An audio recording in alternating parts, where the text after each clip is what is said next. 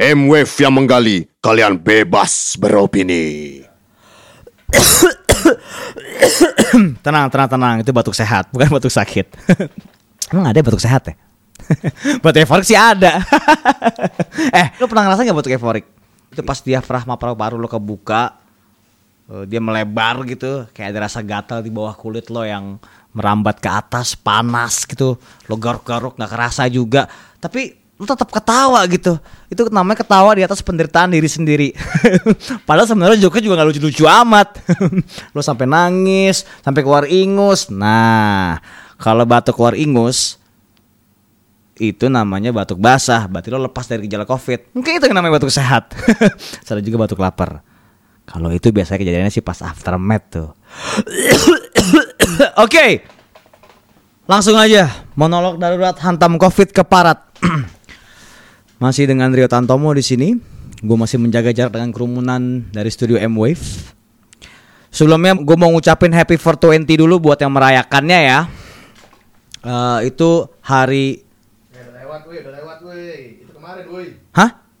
Kemarin itu, woi. Eh, satu nggak berapa sih? Sekarang tanggal 21, yo. Anjing, oh iya. Sorry, sorry, sorry. Sekarang ini tanggal, oke. Okay. Uh, happy belated 420 buat yang merayakan. Jujur, gue suka lupa-lupa hari anjing tanggal tuker-tuker hari kayak Senin udah tiba-tiba hari Kamis, Kamis tiba-tiba dari Senin lagi. Hmm, maksudnya itu karena di rumah doang ya. Lo ngelakuin hal yang sama setiap hari. Lo bangun, terus lo minum kopi, terus lo nahan makan, terus lo makan akhirnya, terus lo nongkrongin laptop, lo nonton film, lo nyicil-nyicil baca, ngintip-ngintip sosmed dikit, Terus ya mau nggak mau lo mesti keluar rumah ya. nggak maksud gua keluar rumah itu hal yang penting walaupun ngelanggar ya sedikit aja nggak apa-apa. Buat buktiin apa yang udah diberitakan di sosial media itu benar apa kagak sih. Di zaman covid kayak gini ya lo tahu sendirilah. Ini permainan mind fuck. Bener apa kagaknya sebuah cerita atau sebuah berita harus lo buktiin sendiri. Lo lihat lah sendiri langsung. eh bukti kayak kemarin gue tuh keluar rumah mungkin dua hari yang lalu pas weekend tuh gue jalan-jalan. Terus gue ketemu satpam uh, komplek gitu. Dari dia gue tahu satu gang dari studio itu baru aja ada yang mati gara-gara uh, corona. Mungkin uh, dengar berita kematian itu hal yang uh, udah biasa ya akhir-akhir ini. Di sana mati, di sini mati, si Anu mati, si ini mati, ibu teman lo mati gitu kan. Mati karena Covid atau karena bukan, mati karena jantung dibilang karena Covid supaya buat nambah-nambahin jumlah Covid dan lo terteror. Tapi yang bikin ngeri itu adalah orang yang mati kemarin karena Covid di sebelah uh, gang studio itu baru berusia 20 tahun. Muda, men. Selama ini kalau kita dengar atau yang kita tangkap bahwa kebanyakan korban covid itu adalah orang-orang di atas 50 tahun atau lansia nggak sebetulnya benar nyata kita ini yang muda-muda juga terancam. Hmm. terus dari satpam kemarin juga gue tahu kalau baru aja ada yang ditusuk di Arion. Jam 9 pagi lo bayangin. Lagi jalan kaki disamperin cep. Itu pasti rampok kan? Ya apa lagi coba mau ngapain? Oke, okay, kalau gitu gue mau ngucapin selamat deh buat Pak Yasona Lauli. Program Anda berhasil, Pak. Sekarang 30 ribu napi nyari makan sendiri di jalanan. Maksudnya bukan gue mau menuduh kalau orang yang nusuk itu adalah uh, ex napi ya. Tapi kan logikanya simple. Ekonomi lagi runtuh. Orang-orang di PHK, dirumahkan, bingung mau ngasih makan keluarga pakai apa. Terus ada 30 ribu orang yang biasanya diberi makan sama negara sekarang disuruh mandiri cari makan sendiri hmm gak heran kalau minimart sekarang udah mulai jadi sasaran. Disatronin rampok-rampok maling-maling tuh. Itu mungkin lo juga udah pada baca juga beritanya. E, pegawai e, minimart disekap di kamar mandi. Atau juga kalau lo nonton program 86 sekarang isinya penjahat-penjahat yang jelas-jelas nggak takut sama covid.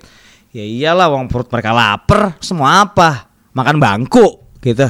Tapi soal logika eh, pelepasan api ini gue agak bingung sih bukannya mereka di penjara itu lebih aman ya tinggal lo isolasi aja mereka di dalam tidak ada kunjungan dari luar eh, sampai COVID-nya berakhir, lalu jaga interaksi para napi dengan eh, sipir-sipir. Jadi mereka bukan itu lebih aman untuk nggak tertular dengan COVID ya? Bingung gua. Atau jangan-jangan ini sengaja lagi. Pemerintah sedang menebar anjing-anjing puas dalam rupa narapidana biar lo semua stay at home, biar ini cepet kelar. Kalau udah kayak gitu, bener atau enggaknya tadi yang gue omongin tuh mengenai sengaja atau nggak sengaja, mendingan lo semua pada siap-siap bakal ada riot deh. Bukannya gue nakut-nakutin lo, tapi ini keadaannya orang miskin, ada napi, sama-sama lapar, lo mau tunggu sampai kapan? Sampai rasa iri si miskin memuncak kepada yang kaya dan mereka mulai memperlakukan hukum hewan. Hmm. Kalau itu udah kejadian, siapa yang mau tanggung jawab? Pak Yasona Lauli mau tanggung jawab?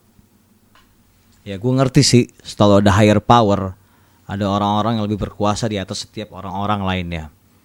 Yasona Lauli pasti punya bos, Jokowi. Jokowi pasti punya bos lagi. Bos laginya itu pasti punya bos lagi di atasnya. Mungkin gitu seterusnya. Ingat, di atas langit masih ada silit. Tapi bukan itu yang mau gue omongin. Mungkin lain kali. Concern gue sekarang ini, gimana kalau vaksin virus corona ini tidak pernah berhasil ditemukan? Yang artinya,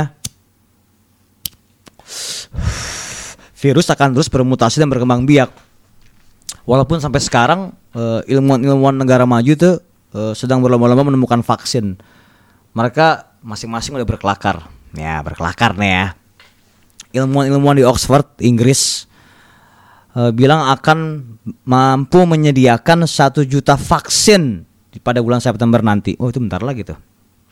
Cina, nah ini negara yang paling awal terdampak di kota Wuhan tuh asal si virus ini. eh mengklaim telah sampai pada tahap akhir uji klinis terhadap manusia. Biasanya tuh dari monyet, manusia, baru di eh, di ketok palu tuh. Kalau lo monyet, lo bisa ketahuan duluan tuh. Tapi lo sama manusia nih. Ya, gue sih monyet. Begitu juga ilmuwan-ilmuwan di University Pittsburgh di Amerika, epicentrum COVID dunia hari ini. Mereka mengakui telah menemukan senyawa-senyawa yang tepat untuk menghabisi virus-virus COVID. Indonesia gimana? Kita negara maju bukan sih? Kata Amerika sih kita sekarang udah dianggap negara maju. Tapi kemarin gue juga baca, ternyata Universitas Erlangga Surabaya sudah mulai melakukan penelitian terhadap eh, virus antivirus ini. Walaupun masih pada tahap awal ya. Tapi feeling gue sebagai seorang yang telah hidup di Indonesia selama 30 tahun, paling ujung-ujungnya kita bakal beli. Beli dari Israel. Tapi semua ini baru kelakar. Itu belum kejadian. Semua orang mulailah berkelakar. Lo bilang aja lo bisa menemukan eh, antivirus Covid. Semua negara akan eh, mengantri untuk beli sama lo. Siapa yang keluar duluan, dia akan paling kaya. Gue juga boleh dong berkelakar. Ya nggak? Boleh nggak? Menurut gua COVID akan berakhir seperti DBD. Sampai sekarang nggak temuin tuh obatnya. Kayak kanker. Terus lo mau apa? Mau tinggal terus di rumah sampai 2 tahun ke depan? Keluar-keluar tahun ketiga nih udah jadi robot terprogram kesehariannya bukan manusia lagi Yap, ya sebenarnya sih nggak mesti seburuk itu kalau kita pikir-pikir dan baca-baca lagi ya. Eh, gue jadi inget kisah pasien dari Depok nomor satu nomor dua eh, yang awal-awal terdeteksi itu dan mereka kini sembuh ya. Gua baca eh, artikel tentang mereka. Itu ibu dan anak perempuan. Si ibunya ditanya, si ibunya pasti ditanya sama wartawan eh, apa yang bisa menyembuhkan kan vaksinnya belum ditemukan. Si ibu bilang dia sembuh karena mampu menghasilkan antibodi lewat spiritualisme. Oke, gue nggak mau ngomongin spiritualismenya, tapi masalah antibodi. Ternyata kita bisa menghasilkan antibodi sendiri, ya kan? Ternyata kita nggak perlu obat. Kita ini manusia bukan makhluk yang lemah gitu ya. Gue selalu percaya manusia itu adalah makhluk individu yang sebenarnya nggak perlu bantuan zat kimia dari luar. Iya emang ya. Kita nggak lemah itu aja tentanya. kita punya pasukan dalam diri kita sendiri. Dalam bentuk sel. Sel-sel antibody. Dan virus COVID itu berpotensi mati setelah 14 hari mengalami masa inkubasi. Selama dua minggu itu, antibody kita dan si virus itu bertengkar. Wah anjing bertengkar. Bunuh-bunuhan lah. Entah dia mungkin bom-boman atau gelut-gelutan. Tapi kata satu ahli gue pernah baca. eh, bentuknya adalah mereka kayak seperti lomba lari gitu. Jadi siapa yang nyampe duluan dia yang bisa mengalahkan eh, lawannya. Nggak ngerti lah ya. Tapi selama dua minggu itu terlepas lo sadar atau tidak sedang terjangkit, psikis kita dan metabolis kita itu sedang apa ya? eh, ada urusan lah di dalam. Tentunya kalau pasukan antibodi kita lebih banyak, pasti bisa lebih gampang menang. Kita bisa habisin tuh virus-virus itu. Pertanyaannya sekarang, bagaimana caranya kita bisa melahirkan tentara-tentara antibodi yang berkali-kali lipat lebih banyak saat ini? Ada teknik plasma darah sih. Jadi plasma darah dari orang-orang yang berhasil sembuh dari COVID itu diambil dan disuntikan ke pasien-pasien yang sedang menderita, yang masih menggigil-menggigil tuh sebagai antibodi. Jadi dibantulah, bantu pasukan gitu. Eh, itu. Tapi kan rasanya rugi ya kalau pemahaman kita tentang pabrik antibodi ini selama menjadi tawanan rumah dua bulan terakhir cuma berkisar pada hal-hal yang standar gitu. Ya kita tahulah tidur yang cukup itu bagus, ya kan.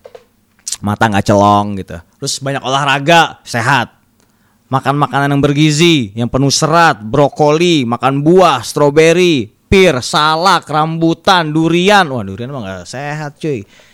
Terus eh, stop rokok, ya kan? Stop minum alkohol, tenggak vitamin, jangan stres gitu. Ya itu kan eh, hal-hal yang eh sudah pasti bisa membuat lo sehat. Kalau lo bisa ngelakuin itu semua, gue yakin lo adalah manusia paling bugar yang ada di dunia. ya, tapi hikmah nih, ini gue nih. Hikmah dari COVID yang gue dapet gua haus akan pemahaman-pemahaman baru. Ya iyalah di rumah aja gitu. Habis ngayal, ya lo baca gitu biar lo tahu gitu ya. Gue bosen jadi normal maksudnya. Bukan gue pengen jadi gila tapi mungkin kata progresif gitu ya. Berpikir progresif gitu. Mungkin itulah hikmah dari pandemi ini ya. Kondisinya aja udah nggak normal nih Covid. Kenapa kita masih berpikir kayak orang normal ya? ya lo jadi ketinggalan sama zamannya gitu.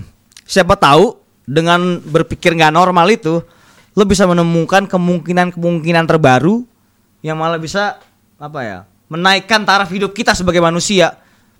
Baik secara sains maupun kepercayaan. Kayak pernah nggak lo terpikir kalau ternyata empedu manusia itu bisa ngobatin covid? Jadi kanibal jadi kanibal dah lo tuh. Nambah urusan lagi. Atau nah ini nih.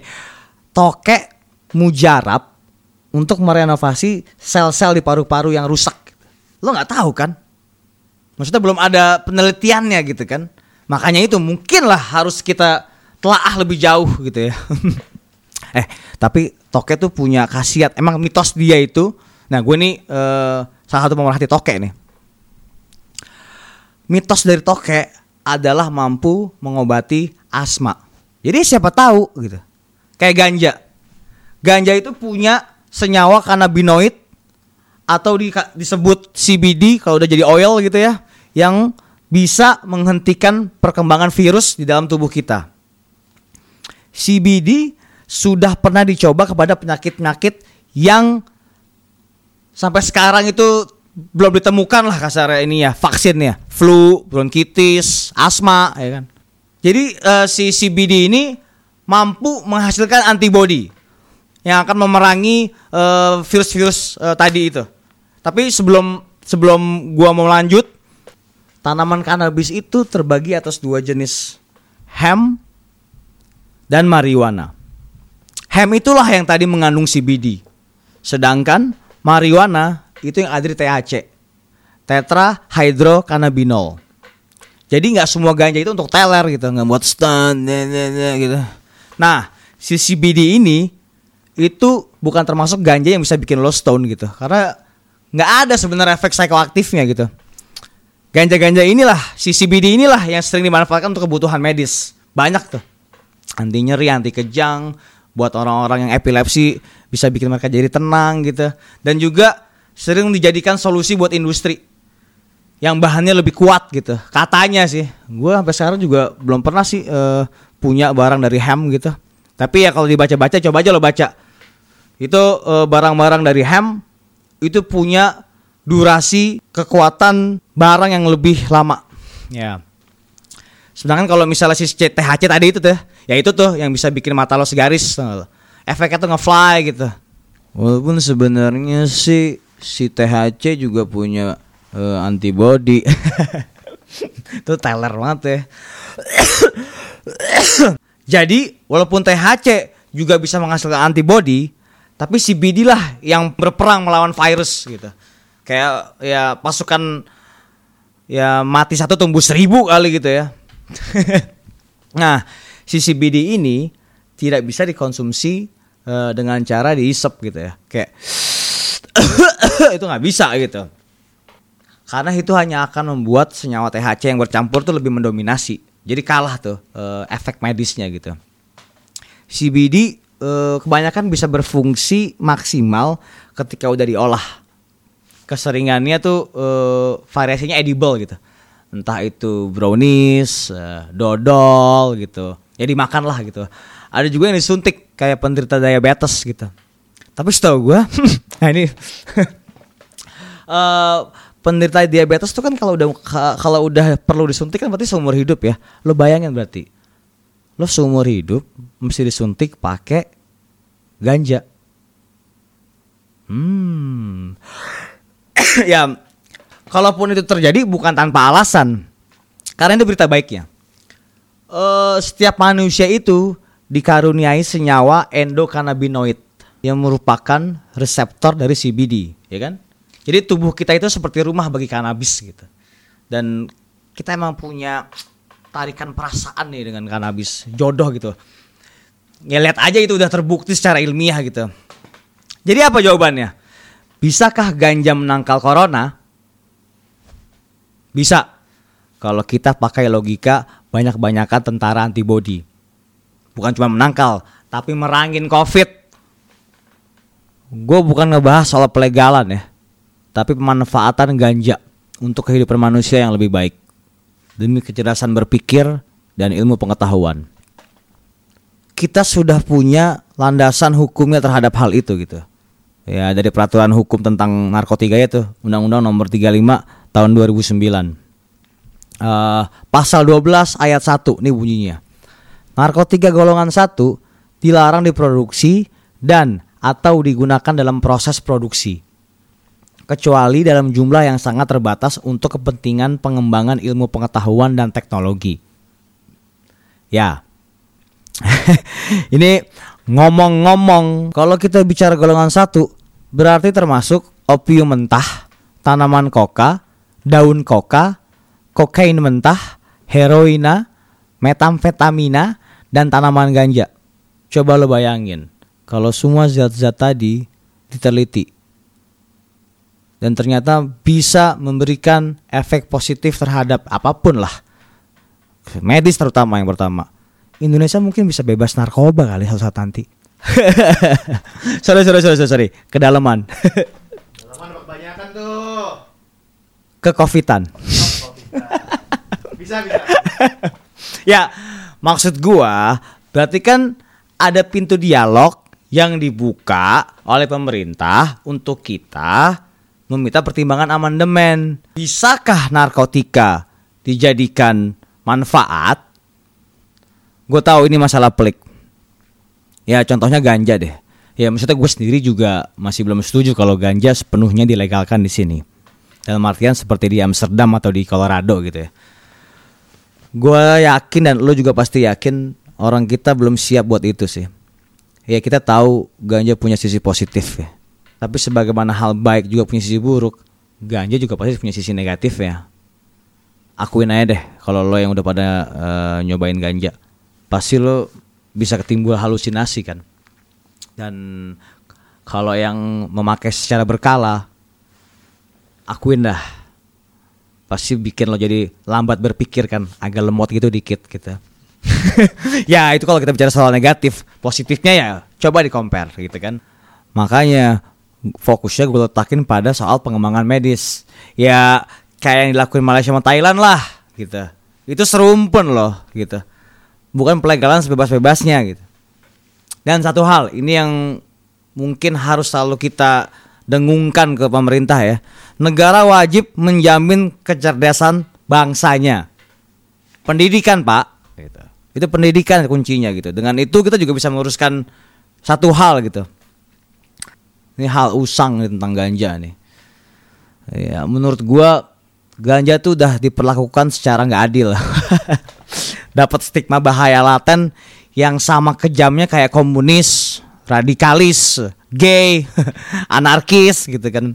Dengar kata ganja itu mungkin langsung terasosiasi sama kalau orang-orang tua tuh mungkin ya yang nggak berpikiran terbuka, bukan Faris RM pasti kan, akan menganggap sebagai degenerasi moral gitu. Moralnya turun gara-gara ganja, mabok terus gitu kan. Kenapa tau nggak lo? Soalnya selama ini kita hanya fokus pada kata penyalahgunaannya gitu. Negara kayaknya lupa deh sisi positif dari asas keseimbangan ya tentang ganja. Jadi yang diingetnya cuma yang uh, buruk-buruknya aja. Dan kita selalu dijejali oleh anggapan ganja adalah pintu masuk ke narkoba. Coba tolong dikaji ulang. Masalahnya, kalau ganja dipidanakan karena dianggap sebagai pintu masuk narkoba, ya harusnya alkohol, perceraian, pemehkaan, rokok itu juga dipidanakan juga gitu. Ya kan intinya tergantung berapa dosis yang sepatutnya dikonsumsi gitu.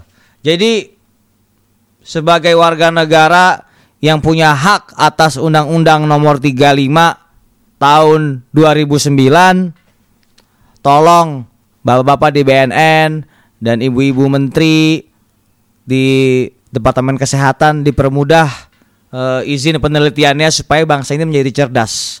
Lagian juga kan sifat hukum itu dinamis ya. Selalu mengikuti perkembangan zaman. Ngapain kita pakai hukum usang gitu?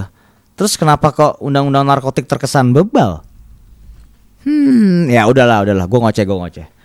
Di negara demokrasi kayak Indonesia ini seharusnya kebebasan berpendapat juga berlaku buat mereka yang nggak sependapat dengan kita. Jangan main tutut pakai undang-undang ITE. Itu pengecut namanya. Langit terbuka luas, kenapa nggak pikiran lo dan pikiran gua? itu lagunya Pure Saturday. Gue suka banget ngutip judul lagu itu. Dari album Utopia tahun 99. Hmm. Ngomong-ngomong, mereka nulis lagu itu sambil giting ya. Nah, itu patut dikaji juga tuh. Oke, tamu malam ini adalah seorang penyair ilegal. Dalam artian nabrak-nabrakin aturan. Puisi adalah obsesinya terhadap kata-kata. Kalau subkomandante Marcos bilang kata-kata adalah senjata, orang yang satu ini menganggap kata-kata adalah hmm, kertas yang terbakar kali ya. Nggak tau lah. Pokoknya berhenti bandingin dia sama Iwan Fals. Orang ini terlalu absurd untuk dibandingkan dengan Iwan Fals. Absurd.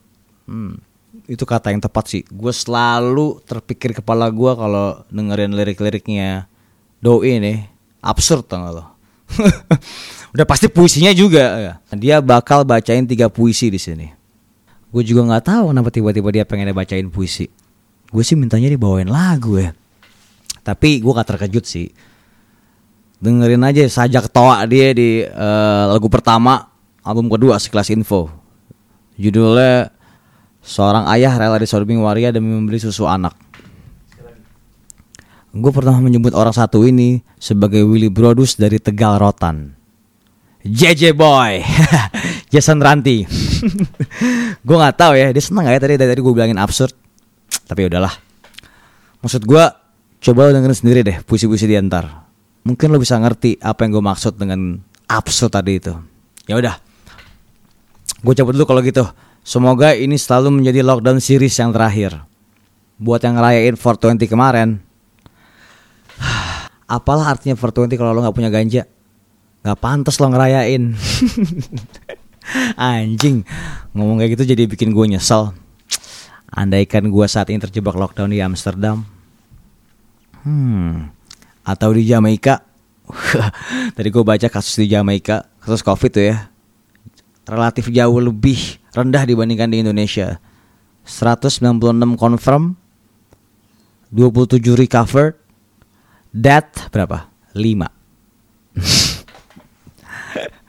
ya udahlah, yang penting banyak-banyakin minum air putih. Pasti nanti tiba waktunya. Sabar, boy.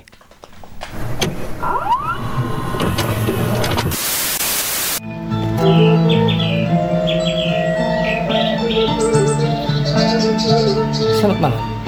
Sebuah puisi berjudul Mas Nas karya Gigi Boy. Mas Nas. Usiaku belum genap tiga bulan ketika bapak pertama kali mengenalkanku dengan Nasir bin Oludara Jones alias Mas Nas. Seorang rapper adiluhung dari United States of Donald Trump dan sungguh betapa aku terpesona mendengar hidupnya. Mas Nas ngerap ngebut sekali, mirip dengan angkot jurusan Parung Lebak Bulus. Aku menduga keras Mas Nas ngerap tanpa helm, tanpa peduli juga dengan aturan lalu lintas. Aku khawatir apa Mas Nas tak takut ditilang. Memangnya polisi pernah mengerti anak muda? Apa Mas Nas tak takut nabrak? Setauku, kecelakaan hip hop sama gilanya dengan kecelakaan warna. Koko, kamu bicara apakah? Hanya ibuku yang menebakan logika dan keteraturan. Belum sempat aku menjawab pertanyaan ibu. Mas Nas sudah duluan ngerap. Beyond the walls of intelligence, life is divine. Namaku Koko, usiaku belum genap tiga bulan ketika hip hop mengenalkanku akan kehidupan.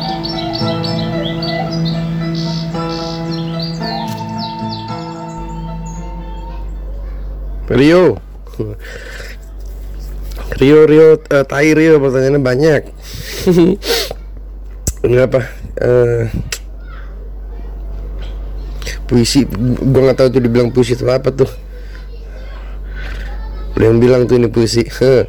jadi apa? Eh, ma Nas itu kan apa dulu pas eh, anak gua lahir tuh awal-awal kan apa?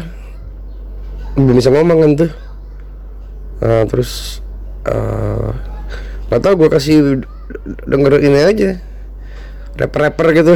Biar dia cepet ngomong kali ya gitu kali ya. Di pikiran gue sih tapi gue nggak tahu juga tuh bener atau nggak tuh. Cara seperti itu cuman gitu doang sih. Nah, salah satunya yang gue kasih denger tuh itu albuman Les tuh yang Ilmatic tuh. Nah kalau sama Renslam itu kan collapse juga itu kecelakaan juga tuh kecelakaan hip hop karena awalnya gue janjinya sama ini sama Sunarto Gok awalnya janji. Eh koko awalnya sama Sunarto Gok gue janji sama dia tuh rekaman di Bandung tuh terus eh apa? Dijemput sama dia diajak pergi ke rumahnya Renslam kenal sama Renslam di sana. Nyampe rumah Renslam mau rekaman si Sunarto Gok sakit gigi. Dia nggak bisa nyanyi atau apa gitu dia rebahan aja minum obat terus rebahan anjir. Jadi akhirnya gue ya udah gue bikin bikin inilah bikin sesuatu tuh di sana sama, sama Renslam ya baru kenal juga itu kan juga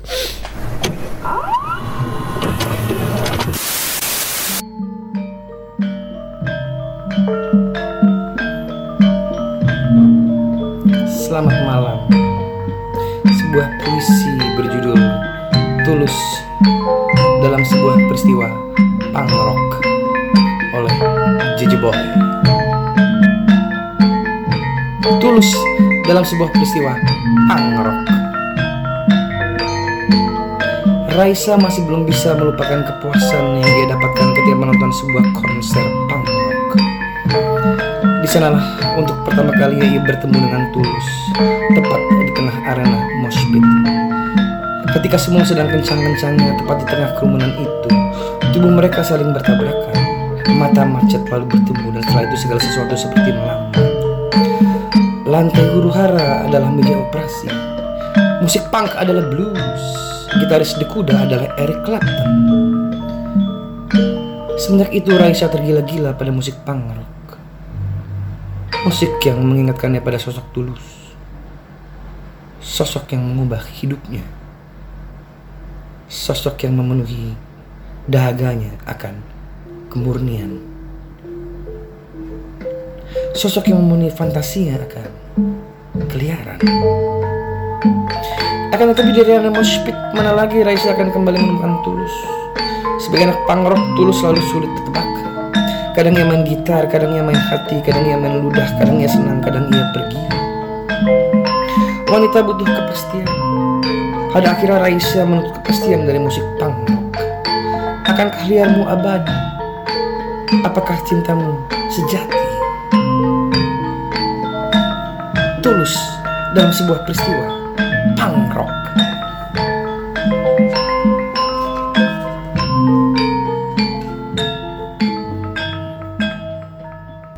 Kalau yang ini ya yang tulus dalam apa sebuah peristiwa pangrok tuh. Hmm. Wah lu nanya ya Jelasin maksud dari baris musik punk adalah blues Gitaris di kuda adalah Eric Clapton Anjir Mesti banget nih nggak tahu apa gue, pengen itu kan ceritanya apa hal-hal hal-hal melambat udah gitu aja gue pengen menggambarkan itu gitu. Kalau ini pangrok tuh apa gue suka ini sih terakhir tuh gue dengerin itu gue suka banget tuh. Uh, Circle Jerk tuh albumnya dia apa sih uh, in the Street tuh. Sama Black Flag juga ada tuh yang yang In My Head tuh asik banget tuh albumnya tuh gue suka tuh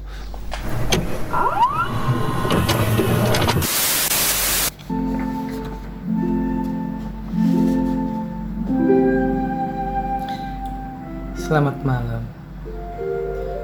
Sebuah puisi berjudul Stephen Hawking oleh Jiji Boy. Kalau sudah besar nanti, hati-hati dengan percintaan.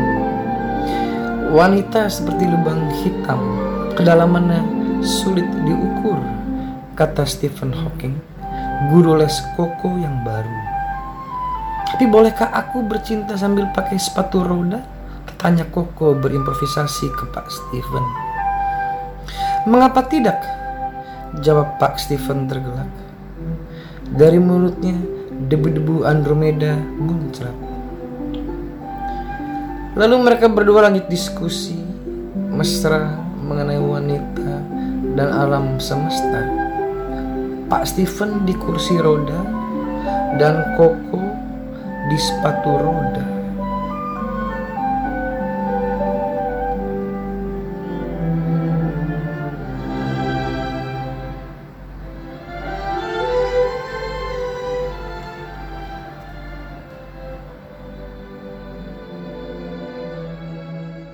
sama kalau ini ya Stephen Hawking Hawking eh, itu juga sama nulis nulis saya tuh gue bikin sesuatu buat apa ya? Buat anak anak gue kali. Ntar dia gede dikit kali atau gimana gitu.